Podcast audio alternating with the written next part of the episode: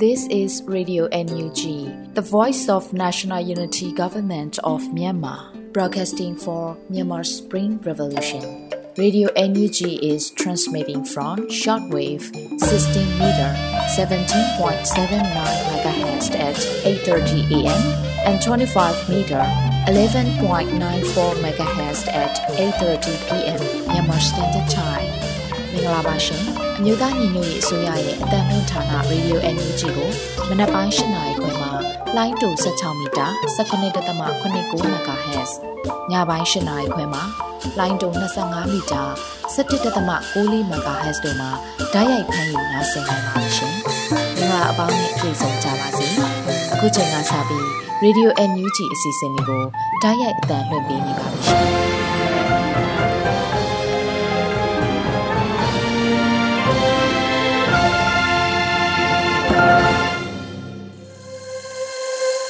မြန်မာနိုင်ငံသူနိုင်ငံသားအပေါင်းတဘာဝပြီးဆရာနာရှင်ပေတို့ကနေကင်းဝေးပြီးကိုစိတ်နှပါပေးကင်းလုံခြုံကြပါစေလို့ Radio NUG ဖွဲ့သားများကဆုတောင်းမေတ္တာပို့သလာရပါတယ်။အခုချိန်ကစပြီး Radio NUG ရဲ့ညပိုင်းစီစဉ်များကိုထုတ်လွှင့်ပေးတော့မှာဖြစ်ပါတယ်ရှင်။ပထမဆုံးအနေနဲ့ဒီတွင်သတင်းများကိုတော့ຫນွေဦးမှန်မှဖတ်ကြားတင်ပြပေးမှာဖြစ်ပါတယ်ရှင်။ မင်္ဂလာပါရှင်နောက်ဆုံးရသတင်းများကိုတင်ဆက်ပေးမှာဖြစ်ပါတယ်ခုတင်ဆက်မဲ့သတင်းတွေကိုတော့ Radio NUG သတင်းတာဝန်ခံတွေနဲ့ခိုင်လုံတဲ့မိဘသတင်းရင်းမြစ်တွေကအခြေခံတင်ပြထားတာဖြစ်ပါတယ်ကျွန်မຫນွေဦးမွန်ပါမိုးပြဲမှာတိုက်ပွဲပြန်ဖြစ်နေပြီးဝါရီစုပလိုက်ရွာကိုစစ်ကောင်စီတပ်ဖွဲ့ကမိရှုတဲ့သတင်းကိုတင်ဆက်ပေးပါမယ်မိုးပြဲမြို့တောင်ဘက်ဝါရီစုပလိုက်ရွာကိုစစ်ကောင်စီဘက်ကမိရှုနေပြီးတိုက်ပွဲတွေလည်းပြန်ဖြစ်နေတယ်လို့သတင်းရရှိပါတယ် ဖေဖော်ဝါရီလ18ရက်နေ့နနက်ပိုင်းကနေစတင်ပြီးတော့မိုးပြဲမြို့ပေါ်ဟိုက်ကွီဆယ်နဲ့ဝါရီစုဖလိုင်းရွာနာမှာတနေကုန်နီးပါးတိုက်ပွဲပြင်းထန်ခဲ့ပြီးတိုက်ပွဲမှာမိုးပြဲ PDF, Lyco PDF, Dimoso PDF, ဖဲခုံ PDF, KA, KNDF, KGZ, JPDF, GZ21 နဲ့အခြားမဟာမိတ်တပ်ပေါင်းစုတွေပူးပေါင်းပြီးတော့အကြမ်းဖက်စစ်တပ်ကိုပြင်းပြင်းထန်ထန်ခုခံတိုက်ခိုက်ခဲ့ကြောင်းအထိနာခဲ့တဲ့အကြမ်းဖက်စစ်တပ်ဟာ နေ့လယ်တနာရီဝန်းကျင်မှာတန်ချက်ကအမြောက်ကားနှစ်စီးအကြမ်းဖက်စစ်သားတရားဝင်ချင်းစစ်ကူခေါ်ခဲ့ပြီးနောက်မှာလည်းထပ်မံအထိနာခဲ့ကြောင်းမူပြဲပြည်သူ့ကာကွယ်ရေးတပ် MBPDF ကထုတ်ပြန်ထားပါတယ်။စစ်ကောင်စီဘက်မှ20ဦးထပ်မံသေဆုံးခဲ့ပြီးနောက်လက်နက်ကြီးအစမတန်အသုံးပြုခဲ့တဲ့အပြင်ညနေ9နာရီဝန်းကျင်မှာလေရင်နှစ်စီးနဲ့9ကြိမ်ခန့်ပစ်ခတ်ခဲ့ပြီးနောက်ပြည်သူရဲဘော်များလည်းထိခိုက်ကြဆုံးမှုများရှိခဲ့ကြောင်းအကြမ်းဖက်စစ်တပ်ကိုရွရွချွန်းချွန်းခုခံတိုက်ခိုက်ခဲ့တဲ့ ပြည်သူရဲဘော်များတွေမိုးပြဲ PDF မှရဲဘော်9ဦးကြာဆုံးခဲ့ပြီး6ဦးဒဏ်ရာရရှိခဲ့ကြောင်းသတင်းထုတ်ပြန်ပါတယ်။ဒီကနေ့မနက်ပိုင်းမှာပဲဝါရီစုပလိုင်ရွာစစ်ခွေးတွေဝင်ပြီးမိရှို့နေတယ်။အဲဒီရွာမှာအိမ်တွေကကတ်နေတော့တော်တော်များများမိလောင်မဲ့ထင်တယ်။ကျွန်တော်တို့သွားကြည့်လို့မရဘူး။အခုလဲတိုက်ပွဲတွေပြန်ဖြစ်နေတယ်။ဒီကောင်တွေကရွာတွေဘက်ကို120မမတွေနဲ့ဇက်တိုက်ဖြစ်နေတယ်လို့ Mobile Rescue Team ကတာဝန်ရှိသူကပြောပါတယ်။စစ်ကောင်စီတပ်ဖွဲ့တွေကပိတ်ဆို့ထားတာဖြစ်လို့ပြည်သူတွေထွက်လို့မရဘူးလို့လည်းသိရပါတယ်။ ရွာတွေကိုလက်နက်ကြီးနဲ့ပစ်နေလို့ပိတ်မိနေတဲ့ပြည်သူတွေကိုထိခိုက်နိုင်တယ်လို့လည်းသိရပါတယ်။ဝိုင်းစုပလိုင်ရွာဟာအင်ဂျင်200ကျော်ရှိတဲ့ခြေရွာတရွာလို့လည်းသိရပါတယ်။အလားတူတိုက်ပွဲဖြစ်ပွားနေတဲ့သကိုင်းတိုင်းခေယူမြို့နယ်ကံကြီးကုန်းရွာနီမှာလည်းမနေ့နေ့လယ်ပိုင်းကဖြစ်ပွားခဲ့တဲ့တိုက်ပွဲမှာကြာဆုံးခဲ့တဲ့သူတွေထဲမှာရွှေဘိုတက္ကသိုလ်ဘူမိဗေဒတတိယနှစ်ကျောင်းသားမောင်စော်လိုက်မှုလည်းပါဝင်တယ်လို့သိရပါတယ်။မောင်စော်လိုက်မှုကြာဆုံးတဲ့အတွက်အထူးဝမ်းနည်းမိကြောင်းအာဇာနည်သူရဲကောင်းအဖြစ်အမြဲအမှတ်ရဂုဏ်ယူနေမှာပါလို့ ရွှေဘိုတက္ကသိုလ်ဘူမိဗေဒမိသားစုကထုတ်ပြန်ထားပါတယ်။မနေ့ကတိုက်ပွဲဖြစ်ပွားခဲ့တဲ့စစ်ကောင်စီတပ်တွေနဲ့ခီးဦးပြည်သူ့ကာကွယ်ရေးတပ်ဖွဲ့တွေကြားတိုက်ပွဲမှာကာကွယ်ရေးတပ်ဖက်က73ဦးကြာဆုံးခဲ့ပြီးအဲ့ဒီကြာဆုံးသူတွေထဲမှာမောင်စောလိုက်မှုပါဝင်ခဲ့တာဖြစ်ပါတယ်ရှင်။အာဆီယံအနေနဲ့အာနာသိန်းစေအုပ်စုနဲ့စီးပွားရေးလုပ်နေတာတွေရပ်ဖို့ Justice for Myanmar ကတိုက်တွန်းလိုက်ပါတယ်။2022ခုနှစ်ရဲ့ပထမဆုံးအကြိမ်ဖြစ် ကမ္ဘောဒီးယားနိုင်ငံမှာအာဆီယံနိုင်ငံသားရေးဝန်ကြီးအစည်းအဝေးစတင်ကျင်းပနေတဲ့ဖေဖော်ဝါရီလ18ရက်မှာ Justice for Myanmar ကအဲ့ဒီလိုတိုက်တွန်းခဲ့တာပါ။ Justice for Myanmar ကစီအိုစုနဲ့စီးပွားရေးလုပ်နေတဲ့အာဆီယံနိုင်ငံတွေကကုမ္ပဏီတွေစီးရင်ကိုလည်းသူ့ရဲ့ထုတ်ပြန်ချက်ထဲမှာဖော်ပြထားတဲ့ပြင်အာဆီယံနိုင်ငံတွေအနေနဲ့စီအိုစုကိုစီးပွားရေးပိတ်ဆို့အရေးယူဖို့ပြက်ကွက်နေတယ်လို့လည်းဆိုပါတယ်။ဒါအပြင်မြန်မာစီအိုစုကိုလက်နက်ပစ္စည်းထောက်ပံ့တာတွေရပ်ဖို့နဲ့အာဆီယံရဲ့မိဖက်နိုင်ငံတွေအနေနဲ့ အာဆီယံနိုင်ငံအစိုးရတွေကိုဖိအားပေးဖို့ Justice for Myanmar ကတောင်းဆိုပါတယ်။လာတူအယတာအစိုးရကိုအာဏာပြန်မလွှဲမချင်း15နိုင်ငံကုန်သွယ်ရေးသဘောတူညီချက်စာချုပ်ပါအတိုင်းမြန်မာအာဏာသိမ်းစစ်အုပ်စုနဲ့လှုံ့ဆော်မှုမရှိဘူးလို့နယူးဇီလန်ကပြောကြားလိုက်ပါတယ်။15နိုင်ငံကုန်သွယ်ရေးသဘောတူညီချက်စာချုပ်ဟာအခုနှစ်ကုန်မှာစတင်အသက်ဝင်မှာဖြစ်ပြီးနယူးဇီလန်နိုင်ငံအနေနဲ့အခြားအနောက်နိုင်ငံတွေနေတူ စီအုပ်စုနဲ့စီးရေးပါဝင်အခြားအဆင့်မြင့်ဆက်ဆံရေးတွေကိုရပ်ထားမယ်လို့ AP သတင်းမှာဖော်ပြပါတယ်။မြန်မာနိုင်ငံမှာဖမ်းဆီးထားသူအလုံးကိုချက်ချင်းပြန်လွှတ်ပြီးအယက်သားအစိုးရကိုအာဏာပြန်လွှဲပေးဖို့တောင်းဆိုချက်တွေမရမချင်းဆက်ဆံရေးရပ်ထားမှာဖြစ်တယ်လို့နယူးဇီလန်နိုင်ငံသားရေးဌာနနဲ့ကုန်သွယ်ရေးဌာနပြောခွင့်ရက AP သတင်းဌာနကိုပြောပါတယ်။စာချုပ်ပါ15နိုင်ငံတွေကဂျပန်၊ဩစတြေးလျနဲ့အခြားအာဆီယံ10နိုင်ငံကနယူးဇီလန်လိုဆောင်ရွက်မှုရှိမရှိကိုရှင်းရှင်းလင်းလင်းမသိရသေးဘူးလို့ဆိုပါတယ်ရှင်။ ခုဆက်လက်ပြီးချင်းမျိုးသားနေ့ကျင်းပမယ်ဆိုတဲ့သတင်းကိုဆက်လက်တင်ဆက်ပေးပါမယ်။လာမယ့်ဖေဖော်ဝါရီလ20ရက်နေ့မှာချင်းမျိုးသားနေ့ကိုအွန်လိုင်းကနေကျင်းပမယ်လို့သိရပါတယ်။ယင်းချင်းမျိုးသားနေ့ကိုဂျာကာလချင်းမျိုးသားတိုင်းပင်ခံကောင်စီ ICNCC ကနေဦးစီးကျင်းပတာဖြစ်ပြီးအခြားချင်းဖွဲ့စည်းပေါင်းများစွာပူးပေါင်းကျင်းပတယ်လို့သိရှိရပါတယ်။ချင်းမျိုးသားနေ့အခမ်းအနားမှာမြို့သားညီညွတ်ရေးအစိုးရယာယီသမ္မတကြီးကတက်ရောက်ချီးမြှင့်ကမိန့်ခွန်းပြောကြားမယ်လို့သိရှိရပါတယ်။ တက်ရောက်လာကြသောချင်းဖွဲ့စည်းများနဲ့အခြားနိုင်ငံရေးအဖွဲ့အစည်းအချို့မှကိုယ်စားလှယ်တွေကလည်းနှုတ်ဆက်မိန့်ခွန်းများပြောကြားပေးမယ်လို့သိရှိရပါတယ်။ဒါအပြင်ဖြိုပြရေးအစီအစဉ်များလည်းပါဝင်မယ်လို့သိရှိရပါတယ်ရှင်။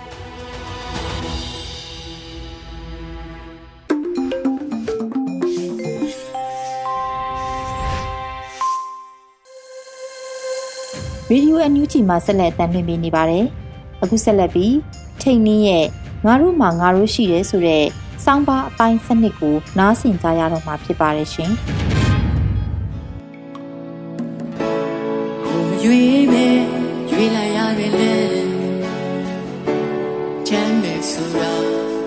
ဒီရဲ့ထွက်ခဲ့ရပြီရှောင်ဘူးတယ်လေလွယ်လွယ်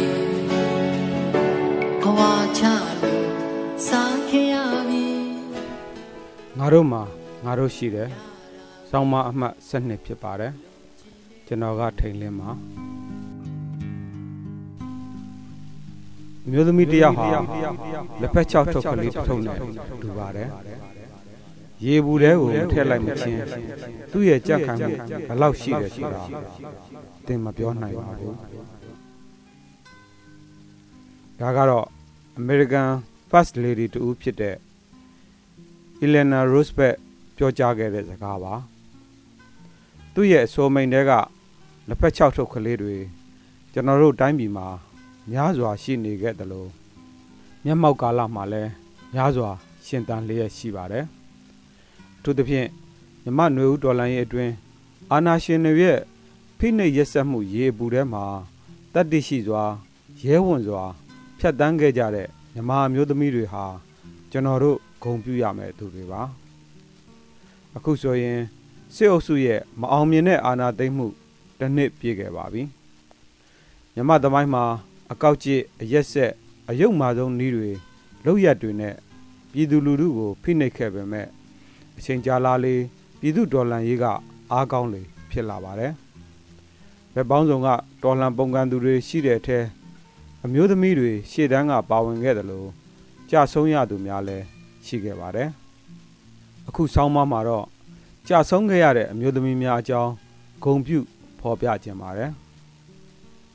2022ခုနှစ်ဇန်နဝါရီလ31ရက်နေ့မှာ AAPP လို့အတူကောက်ခေါ်တဲ့နိုင်ငံရေးအကျဉ်းသားများကူညီစောင့်ရှောက်ရေးအသင်းကအိဋ္ဌိယသွေးຫນွေဦးတေးလို့အမည်ရတဲ့စာအုပ်တုပ်ထုတ်ဝေပါတယ်မြမသမိုင်းမှာပထမဦးဆုံးထမိန်ကိုအလံထူပြီးငါတို့ထမိန်ငါတို့အလံ ငါတို့အောင်ပွဲလို့ရေးသားကြွေးကြော်ခဲ့ကြတဲ့ကြွေးကြော်တန်ကိုຫນွေဦးတေးဖြစ်တင်စားဂုံပြုထားတာဖြစ်ပါတယ်။ဇာမျက်နှာ80ကျော်ပါတဲ့အဲ့ဒီစာအုပ်မှာစစ်အာဏာသိမ်းမှုတစ်နှစ်တာအတွင်းအကြမ်းဖက်စစ်ကောင်စီရဲ့လက်ချက်ကြောင့်ကြာဆုံးခဲ့ရတဲ့အမျိုးသမီး104ယောက်အကြောင်းစုစည်းဖော်ပြထားပါတယ်။ကြာဆုံးခဲ့ရတဲ့အမျိုးသမီးများဟာအသက်9နှစ်ကနေ 88နှစ်အထိဖြစ်ပြီးရခိုင်ပြည်နယ်နဲ့ကရင်ပြည်နယ်ကလွဲလို့ကျန်တဲ့ပြည်နယ်နဲ့တိုင်းတွေကဖြစ်ပါတယ်ဒီလူတွေဟာစစ်ပွဲအတွင်းတေဆုံးရတာမဟုတ်ပဲအာနာရှင်လက်ပါစီတွေရဲ့ပြစ်ခတ်မှုဖမ်းဆီးညှဉ်းပန်းမှုရက်စက်မှုတွေကြောင့်အသက်ပေးခဲ့ရသူတွေပါ။နွေဦးဒေါ်လာရေးအတွင်းပထမဆုံးသွင်းမြေကြခဲ့ရတဲ့အမျိုးသမီးကတော့မနှစ်ကဖေဖော်ဝါရီလ19ရက်နေ့မှာဆုံးမခဲ့ရတဲ့ မတ်မြတွတ်တွတ်ခိုင်ပါအကာအကွယ်နောက်မှာရှိနေတဲ့22နှစ်အရွယ်မင်းကလေးရဲ့ဥကောင်းကိုချိန်ရွယ်ပြစ်ခတ်ခဲ့တာဟာတိုင်းပြည်ကိုအကြောက်တရားအောက်မှာပြားပြားဝတ်စေဖို့စစ်အုပ်စုရဲ့ကြိုးပမ်းချက်ဖြစ်ပါတယ်။အာနာသိမ့်ပြီးရှိရဲ့အကြာ2021ခုနှစ်ဖေဖော်ဝါရီလ9ရက်နေ့မှာမတ်မြတ်တွတ်တွတ်ခိုင်ကိုပြစ်ခတ်ခဲ့တာပါ။ဒေါ်တင်ရွက်ကြီး ဒေါ်မြင့်မြင့်စင်တို့လိုကျောင်းဆရာမတွေအားခူလိုလူအခွင့်ရေးဆောင်ရွက်သူမတ်ခင်ခင်ကျွဲမတ်တင်စာဟိန်းမတ်ပြက်ရန်ချင်းတို့လိုသူနာပြုစေရနာဝန်ထမ်းတွေသာမကမတ်ခင်မျိုးချစ်လိုဖခင်ရင်ဝင်ကြားရှိနေတဲ့ကလေးပါမချမ်းလူမဆန်စွာတပ်ဖြတ်ခဲ့ကြတာပါအကြမ်းဖက်စစ်ကောင်စီကအာနာဟာတနတ်ပြောင်းဝမှာရှိတယ်ဆိုတော့အောက်တန်းကြတဲ့အတွေးနဲ့ သူတို့ထက်အစာပေါင်းများစွာတန်မိုးရှိတဲ့ပြည်သူတွေအနာဂတ်မျိုးဆက်တွေကိုပန်းကောင်းအညွန့်ချိုးနှိပ်စက်တပ်ဖြတ်ခဲ့ပါတယ်ဒါပေမဲ့သူတို့ခုထိနားမလည်နိုင်သေးတာကဒီဒေါ်လန်ရေးဟာတသွေးတတန်တမိန်သဘောအမိန်ပေးတိုင်းလောက်ရအမိန်ပေးတိုင်းကြောက်ရတဲ့ခစ်ကိုအဆုံးသတ်အောင်တော်လှန်နေတယ်ဆိုတဲ့အချက်ပါယာရုအခွင့်အရေးရလို့ရညာစစ်အာဏာရှင်စီဒူးထောက်ဝင်သွားတဲ့ ပြည်သူတစ္ဆပေါက်တူပြောဘူးတာမှတ်မိပါသေးတယ်88တုန်းကလည်းလူထုအခုလိုလမ်းပေါ်ထွက်ခဲ့တာပဲခဏနေတော့ငြိမ်သွားတာပဲတဲ့အခုတစ်နှစ်ပြည့်ခဲ့ပါပြီလမ်းပေါ်မှာတပိတ်တိုက်ပွဲတွေမရက်သေးသလိုနိုင်ငံရေးအန်တုမှုတွေနဲ့ခုခံစစ်တွေလည်းမရက်သေးပါဘူးကြာဆုံးသွားတဲ့အမျိုးသမီးတွေထဲမှာအန္တရာယ်ရှိမှန်းသိရတဲ့ဒီတော်လန်ရေးခရီးချမ်းမှာပါဝင်ခဲ့ကြသူတွေရှိပါတယ် သူတို့ကအုတ်ရောရောကြောက်ရောရောပါခဲ့ကြတာမဟုတ်ပါဘူးသူတို့တွေမျှော်မှန်းတဲ့သူတို့တွေမမြင်နိုင်တဲ့အနာဂတ်အတွက်အသက်တွေဘဝတွေရင်းနှီးပေးဆက်ခဲ့ကြတာဖြစ်ပါတယ်အကောင်းတိုင်းပြန်လာမယ်လို့အာမမခံနိုင်တဲ့ခရီးကိုတွားရတဲ့အခါနှောင်ကြိုးတွေကခွင့်လွတ်ပေးပါလို့ရေးသားခဲ့တဲ့မုံရွာတပိတ်စစ်ကြောင်းမှာပါဝင်ခဲ့တဲ့မတ်တင်စာဟိန်းသမီးတည်သွားခဲ့ရင်မကယ်ပါနဲ့ သမီးကိုထားပြီးနိုင်အောင်ကြိုးစားကြပါဒီတိုက်ပွဲအောင်ရင်တည်ပြောပါပြီကဘာမကြည့်ဘူးဆိုတော့တောင်တကုံကမတ်ဇူးဝင်ဝါအသက်သွေးမျိုးစားတို့ကိုဖော်ပြပြီးသေဆုံးခဲ့ရင်မျက်ကြည်လွာနဲ့ခန္ဓာကိုယ်အစိတ်ပိုင်းတွေကို အသုံးပြုဖို့ကြိုတင်လှူဒန်းကြောင်းစာရေးခဲ့တဲ့မတ်ဇင်မာအောင်ခေါ်ဇင်ပုဒီလူတွေဟာအဖိနှိတ်ခံပြည်သူတွေကို အားမငယ်ဖို့ အများနဲ့အတူသူတို့ရှိနေကြောင်း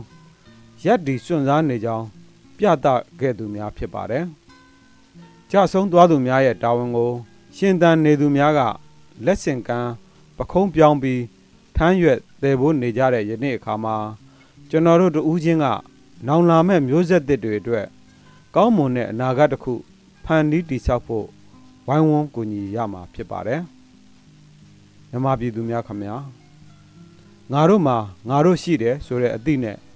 ကြဆုံးခဲ့သူများကိုဂုဏ်ပြုရင်းအားထုတ်ကြရအောင်ပါအားလုံးကိုကျေးဇူးတင်ပါတယ်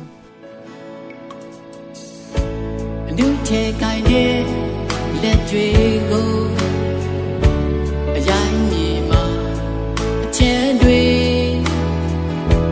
ကိုင်းစေရင်ခီး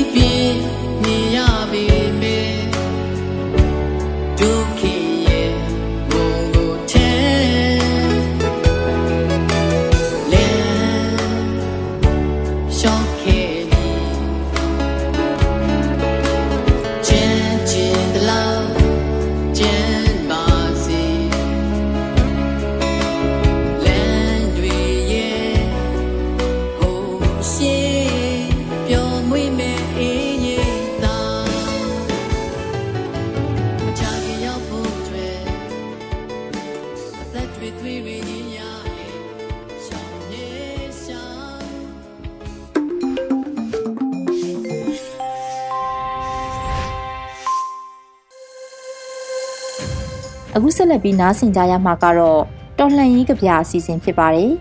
ချစ်ရတဲ့မေသူလိုအမည်ရပါတယ်ဇက်လက်သွေးမြင့်တက်ရေးသားပြီးတော့လွေဦးမှုမှဖက်ကြားတင်ပြပေးထားပါတယ်ရှင်ချစ်ရတဲ့မိတို့မေຫນွေဦးမှာ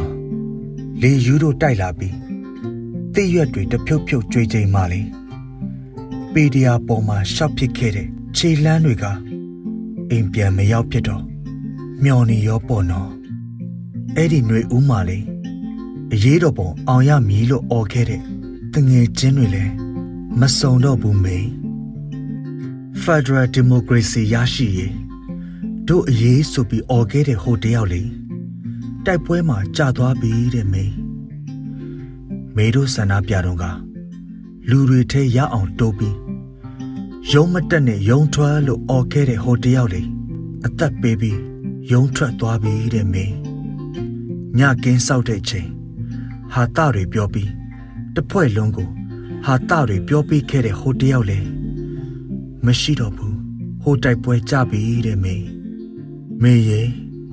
အဲ့ဒီလိုနဲ့ပဲຫນွေဦးကိုကြော်ဖြတ်ရင်မိုးတွေကြားကမိုးသီးတွေကျွေးလေတွေတိုက်မှိုင်းတွေနဲ့ မိုးရာသီကိုကြော်ဖြတ်ကြရပြန်တယ်အိမ်မက်လားစိတ်ကူးလားလက်တွေလားမသေးခွဲပဲမကြုံဘူးတဲ့အရာတွေကြုံရမကင်ဘူးတဲ့တနတ်တွေကင်နေရတော့လူရိုင်းစိတ်မဝင်မိအောင်ပြန်ထိန်နေရတယ်မင်းမိုးရီထဲမှာလေရှုံပွက်တွေကြားမှာတိုက်ပွဲကိုအနိုင်မခံအရှုံးမပေးစိတ်တက်နဲ့တိုက်ရင်ခဏနားချိန်တွေမှာ စေးလေးကလေးဖွာရင်ချမ်းလွန်းလို့တုံတုံရီရီနဲ့ဟာတတွေပြောတတ်ခဲ့တဲ့ဟိုမိတ်ဆွေလဲမရှိတော့ဘူးမေဒီတော်လန်ရေးမှလေယောက်ျားချင်းတန်ရောစင်တွေမိတ်ဆွေချင်းတန်ရောစင်တွေအချစ်တွေကလေအရင်အချစ်တွေထက်အစတရာလောက်တာတော့ကြဆုံးသွားတဲ့ရဲဘော်ရဲဘက်တွေအတွက်အယမ်းနာကျင်ခံစားရတယ်မင်းအသက်ကိုပါဆယ်ထုတ် အနာဂတ်ကိုကျိုးနဲ့တုပ်ပြီးကိုတို့လိုချင်တဲ့ပန်းနိုင်ရှောက်နေရတော့အိမ်ကိုလွမ်းနေအိမ်ကခွေးလေးအိမ်ကကြက်ကလေးတွေအစလွမ်းမိတာပေါ့မိရဲ့ကိုတို့လျှောက်ခဲ့တဲ့လမ်းကနည်းနည်းကျန်းတယ်ဟာတလည်းဆန်တယ်အနာဂတ်လည်းตายရတယ်တောက်ပနေတဲ့မီးရောင်ကိုမြင်ရဖို့အမောင်တုကိုခဏရှောင်နေကြတာပေါ့မေရဲ့မေရဲ့ စောင်းကနှင်းတွေလဲဝေးပြီးကိုတို့လက်ကလေးတွဲပြီးရှောက်ပြစ်ကြတဲ့လမ်းတွေမှာရမ်းငွေတွေလဲဝေးလို့ချယ်ရီပန်းတွေတောင်ဇလက်ပန်းတွေလဲဖူးပွင့်ဝေးစားနေကြပြီရှေ့တန်းရောက်နေတဲ့ကို့အတွက်ဆူတောင်းပေးနေရတာပင်ပန်းနေရောပုံမီရဲ့စစ်ပေးရှောင်ဘဝကနေစားကျင်တာမစားရဘဝနဲ့အပင်ပန်းခံပေး ဝဲကျင်ရဝဲဖို့တလတလကိုလာစာထဲကနေမုတ်ဖို့အတွက်စုတက်ခဲ့ပေမဲ့ခုတော့လာစာမရတာတနှစ်ပြည့်တော့မှဆိုတော့လေအာတင်ထားပါလို့ပဲမှားလိုက်ပေးရစေမေကျင်နာခဲ့တာရင်မနာစေရပါဘူးအရေးတော်ပုံအောင်တဲ့အခါအစတိုးပြီးချစ်ပေးမယ်အစတိုးပြီးဝင်ငွေရှိအောင်စူးစမ်းကြတာပေါ့မေ အာတင်ထားခဲ့တယ်လို့ပဲ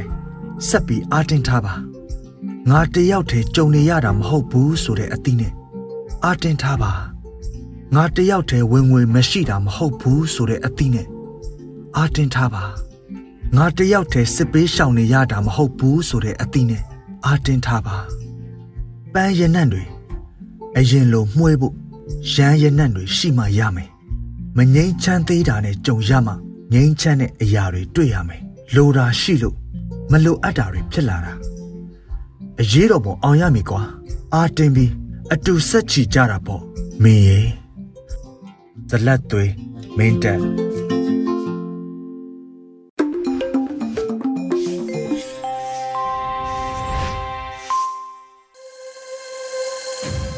ရေဒီယိုအန်ယူဂျီမှာဆက်လက်တင်ပြနေပါတယ်။အခုဆက်လက်ပြီးမမခသတင်းမြင်ကွင်းစောင်းပါအစီအစဉ်မှာတော့ ICJ နဲ့2019လူသက်ပွဲမှာတာဝန်ရှိသူဆိုတဲ့မမခသတင်းမြင်ကွင်းစောင်းပါကိုတော့ရန်နိုင်ကဖတ်ကြားတင်ပြပေးထားပါတယ်ရှင်။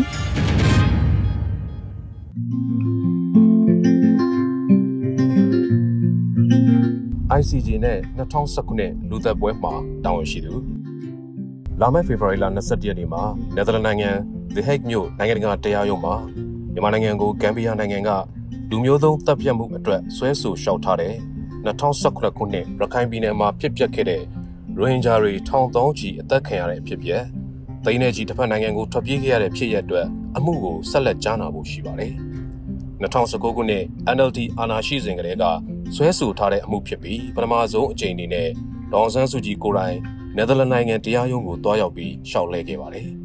။အခုစစ်ကောင်စီအာဏာသိမ်းမှုဖြစ်ပွားပြီးတဲ့နောက် ပထမဆုံးအကြိမ်ဆက်လက်စစ်ဆေးမဲ့ရုံးချင်းလည်းဖြစ်ပါတယ်။2019ခုနှစ်ဒေါန်ဆန်းစုကြည်ကိုယ်တိုင်တွားရောက်ခုခံခဲ့ရမှာအချို့သောစစ်အာဏာရှင်စနစ်ကိုစန့်ကျင်သူတွေကနားမလည်နိုင်ဖြစ်ခဲ့ကြပါတယ်။စစ်တပ်ကလက်လွန်ချင်းလွန်တပ်ဖြတ်ရွာတွေဖျက်ဆီးပြီးတစ်ဖက်နိုင်ငံကိုသိမ်းတဲ့ချီထွက်ပြေးခဲ့ကြတဲ့ဖြစ်ပျက်မှာ NLD အနေနဲ့ဘယ်လောက်အဖြစ်အပျက်သေးစိတ်သိရှိခဲ့လဲအမှန်တကယ်မြေပြင်မှာဖြစ်ပျက်မှုတွေကိုထိုးစဉ်ကလေးကတည်တည်ချာချာသိရှိရလားစတဲ့တန်တရားတွေရှိတယ်လို့ ဘာကြောင့်ကိုယ်တိုင်တောရောက်ခုခံရတာလဲဆိုတာကိုအဲ့ဒီချိန်ကလေးကနားမလည်နိုင်ကြတဲ့သဘောဖြစ်ပါတယ်နိုင်ငံကိုဆွဲဆိုတဲ့အမှုဖြစ်လို့တောရောက်ခုခံကာကွယ်တယ်ဆိုတဲ့ရုပ်တိကျိုးကြောင့်ကိုနားလည်ပြီမဲ့အမှန်တကယ်စစ်တပ်ကဘာတွေကျူးလွန်ခဲ့တယ်လဲမြေပြင်မှာဘာတွေဖြစ်ပျက်ခဲ့တယ်လဲဆိုတာကိုတော့ဒိုးစင်ကလေးကသိရှိဖို့အရေးကြီးတယ်လို့ရှုမြင်ကြတာဖြစ်ပါတယ်။မကြသေးမီကအမျိုးသားလွှတ်တော်ဥက္ကဋ္ဌဟောင်းမန်ဝင်းခိုင်တန်းတဲ့မီဒီယာအင်တာဗျူးတစ်ခုမှာ ထိုစဉ်ကအဖြစ်အပျက်တွေနဲ့ပတ်သက်လို့စစ်တပ်က NLD အစိုးရကိုတင်ပြတာလောက်ပဲ၎င်းတို့သိရှိခဲ့ရကြောင်းစစ်တပ်ကတင်ပြတဲ့အဖြစ်အပျက်တွေနဲ့မြေပြင်မှာတကယ်ဖြစ်ပျက်ခဲ့တာ၊ကြွားချမှုတွေအကြောင်းအခုနောက်ပိုင်းမှာသိရှိလာရတဲ့သဘောဖြေချသွားတာဖတ်ရှုရပါတယ်။အဲ့ဒီပြောဆိုချက်ကိုအကဲခတ်ကြည့်ရင် NLD ဆိုရအနေနဲ့2019အဖြစ်အပျက်တွေဖြစ်ပျက်ခဲ့ပြီးကာလတွေကနေ2019ခုနှစ် ICJ တရားစွဲဆိုခြင်းတွေအထိ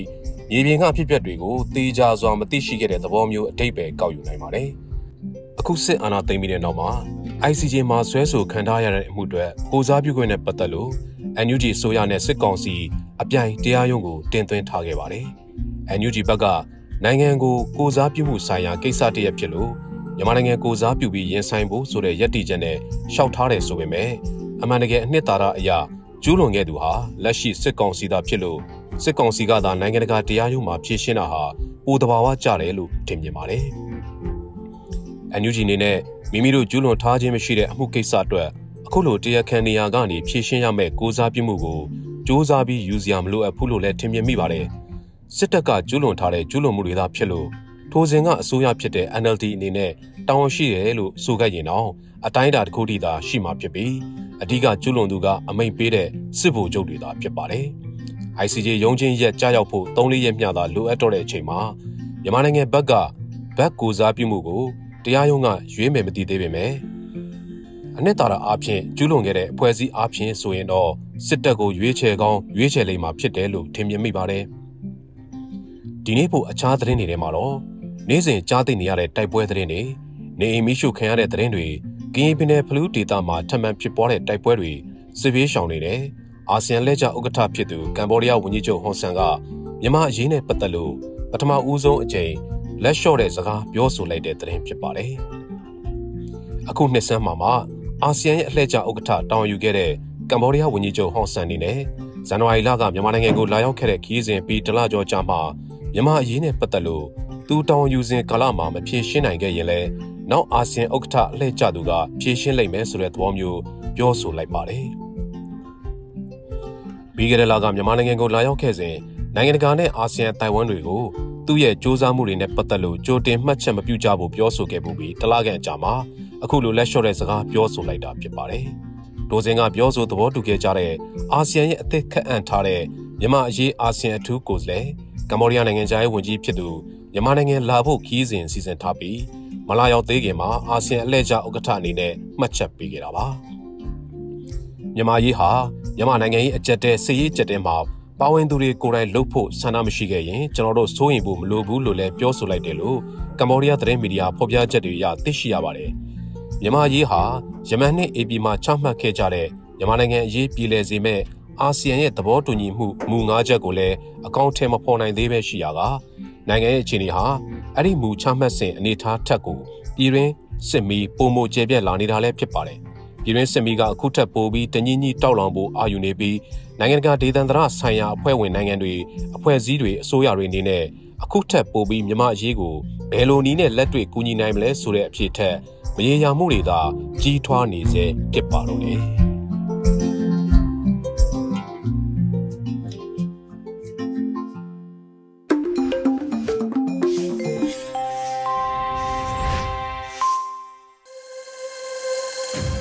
ဒီနေ့ရဲ့တော်လှန်ရေးတေဂီတာအစီအစဉ်မှာ နေရာတကာဒီမိုကရေစီလို့အမည်ရတဲ့တော်လှန်ရေးတေဂီတာကို LD ကတင်ဆက်ပေးထားပါတယ်ရှင်။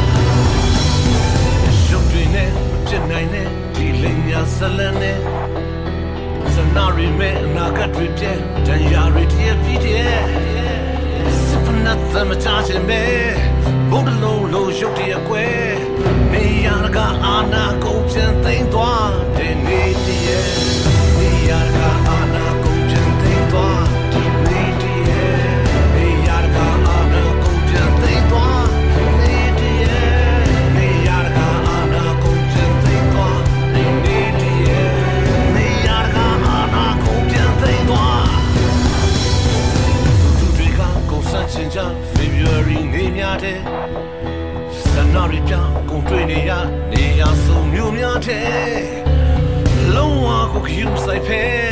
စစ်တနတ်တွေခလို့ကိုဆွဲနေရကကြီးစံခွန်တွေချေချာဒီပြည်တည်းနေရကကြီးစံခွန်တွေချေချာ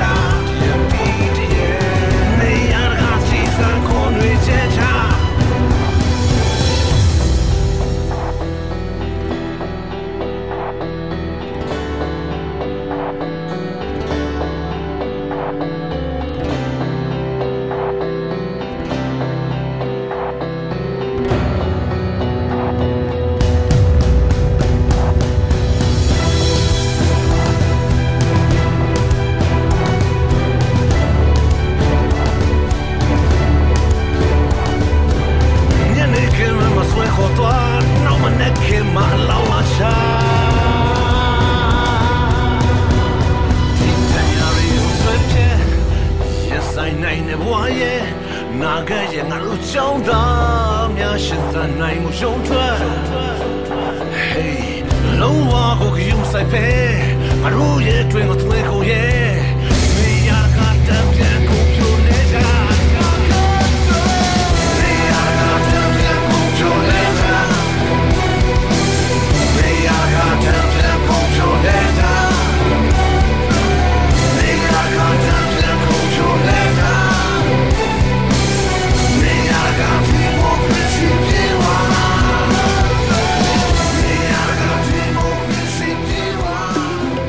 နေ့ကတော့ဒီညနဲ့ပဲ Radio NUG ရဲ့အစီအစဉ်လေးကိုခਿੱတရနာလိုက်ပါမယ်ရှင်။မြန်မာစံတော်ချိန်မနက်၈နာရီခွဲနဲ့ည၈နာရီခွဲအချိန်တွေမှာပြန်လည်ဆုံတွေ့ကြပါစို့။ Radio NUG ကိုမနက်ပိုင်း၈နာရီခွဲမှာလိုင်းတူ16မီတာ19.89 MHz ညပိုင်း၈နာရီခွဲမှာလိုင်းတူ25မီတာ17.6 MHz တို့မှာဓာတ်ရိုက်ဖမ်းလို့နိုင်စေနိုင်ပါပြီ။ မြန်မာနိုင်ငံသူနိုင်ငံသားတွေကိုစိတ်နှပြကျန်းမာချမ်းသာလို့ဘေးကင်းလုံခြုံကြပါစေလို့ Radio NUG အဖွဲ့သူဖွဲ့သားတွေကဆုတောင်းမြတ်တာပို့တာနေပါတယ်ရှင်။မြေသားညီမတွေအစိုးရရဲ့စက်တော်ရင်သတင်းအချက်အလက်တွေလူပညာဝန်ကြီးဌာနကထုတ်လွှင့်နေတဲ့ Radio NUG ဖြစ်ပါတယ်။ San Francisco Bay Area အခြေစိုက်မြန်မာမိသားစုတွေနဲ့နိုင်ငံတကာကစေတနာရှင်တို့အားပေးနေတဲ့ Radio NUG ဖြစ်ပါတယ်။အရေးတော်ပုံအောင်ရမည်